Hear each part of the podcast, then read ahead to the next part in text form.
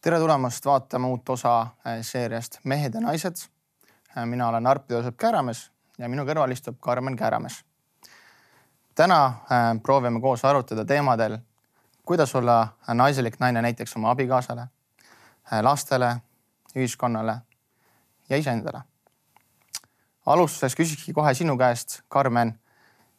mis siis on sinu arvates naiselikkus? ma alustaksin seda, mida ütleb eesti keele seletav sõnaraamat naiselikkuse kohta.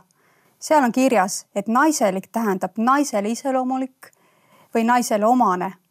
aga samuti tähendab see naiselikku figuuri, nõtkust, ka edevust, samuti kadedust, sarmi e, ja nii edasi.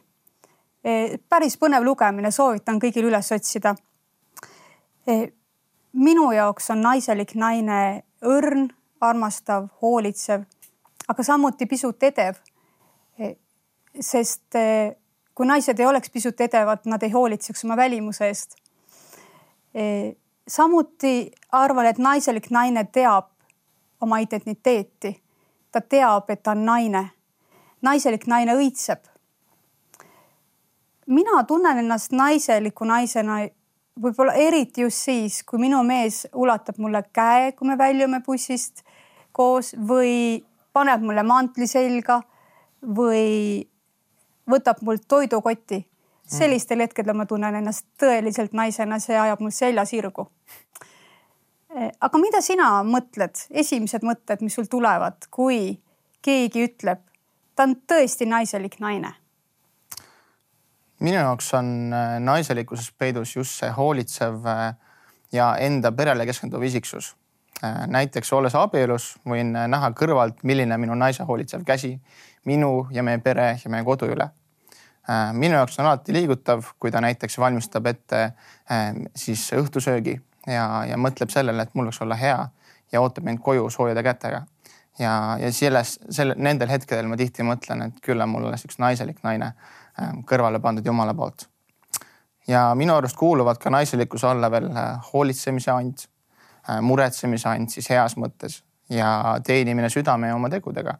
ehk siis see on kõik, mis, äh, mis minu arvates Jumal on naisele omaseks pannud. naiselikkus ei sõltu minu arvates ei kehakujust ega füüsilisest välimusest. elu raskused ja vanus pole ilu, äh, ilu vaenlased, vaid pigem võiks hoopis öelda, et elutarkus kaunistab naist. Aga ikkagi ainult siis, kui see väljendab rahulikul ja rõõmsal moel, mitte kibeduses tänases ühiskonnas äh, on väga lihtne luua endale kiiresti ja kergesti ilus välimus. aga see, mis toimub seespool, see vajab hoopis tööd ja aega, et mormida sellest südamest üks ilus süda. Karmen, kas meil oleks piiblist võtta mõni näide äh, naiselikkusest? Ma tooksin esile Vanast Testamendist Estri. ta oli teadlik oma naiselikust ilust, tarkusest ka võimalustest.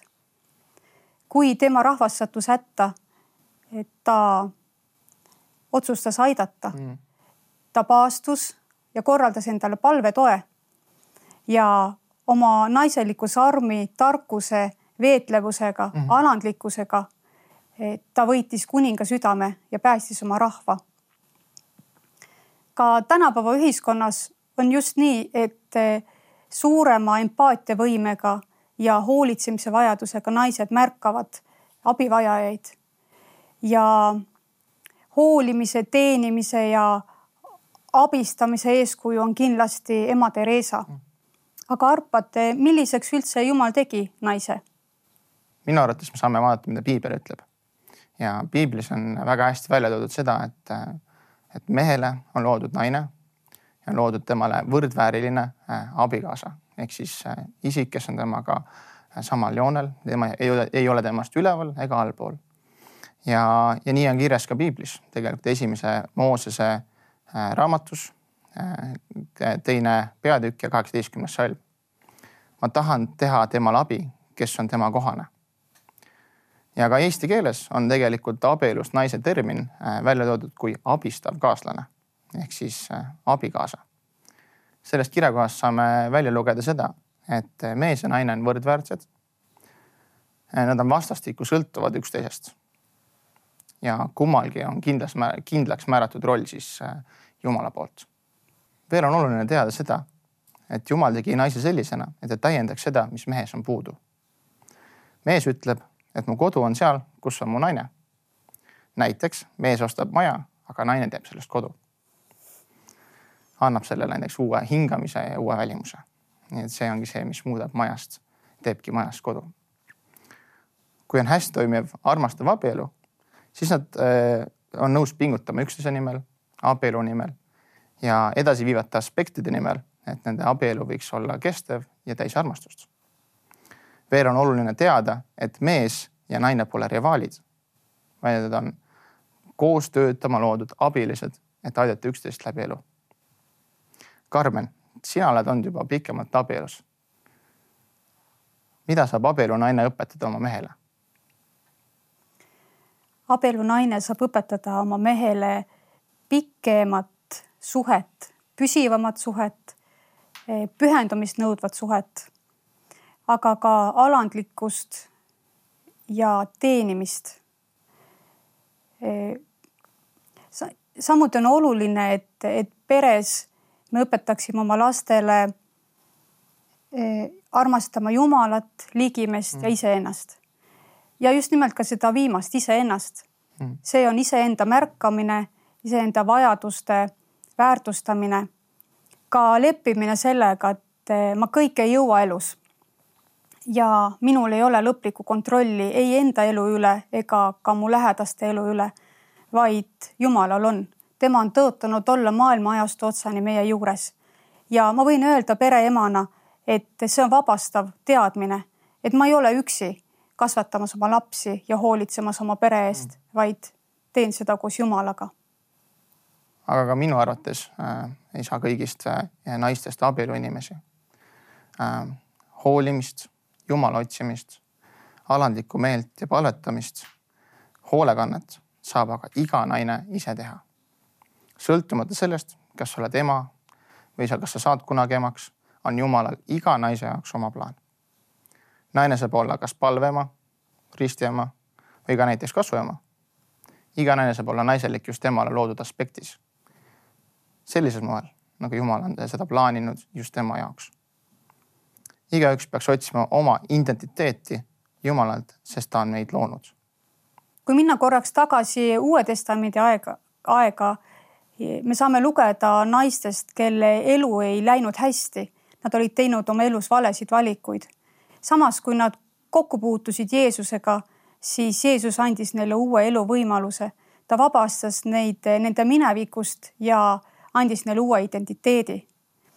Ja tänapäeval on samamoodi, on oluline teada, kes juhib minu elu mm.. on oluline teada, et ma saan uue identiteedi koos Jeesusega. tema tahab minu probleeme lahendada. temal on täiuslik plaan minu elu üle ma tahaks ühe asja veel lisada. maailm kaotab tohutult, kui naised ei ole enam naised ja mehed ei ole enam mehed. ehk siis kaoks naiselikkus ja mehelikkus. Me ei tohiks unustada seda, et Jumal on selle maailma loonud ja teinud ka reeglid, kuidas see maailm võiks töötada. kui me hakkame seda liiga palju muutma, siis ei võida sellest mitte keegi mm.. sellel võivad olla sellised tagajärjed, mida me ei oska praegu ette arvatagi. seega äh minu poolt siis veel üheks lisamõtteks. jumal on loonud naise teistsuguseks kui mehe ja seda põhjusega. Usun, et eh, naiselikul naisel, usun, et naiseliku naise kõrval saab olla ka mees omamoodi mehelik. seega lõpetuseks ma usun, et Jumal on loonud naise teistsuguseks kui mehe ja seda põhjusega. usun, et naiseliku naise kõrval saab ka mees olla rohkem mehelik. kallis vaataja, siin on nüüd mõned küsimused, mille saate arutleda siis kas kogukonnas või oma kodudes. Ja soovime teile omalt poolt õnnistatud äh, aega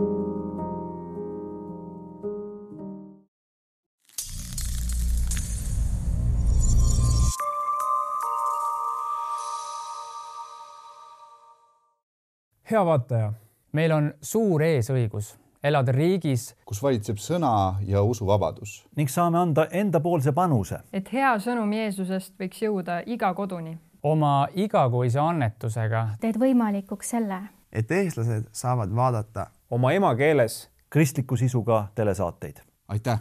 sinu panus on oluline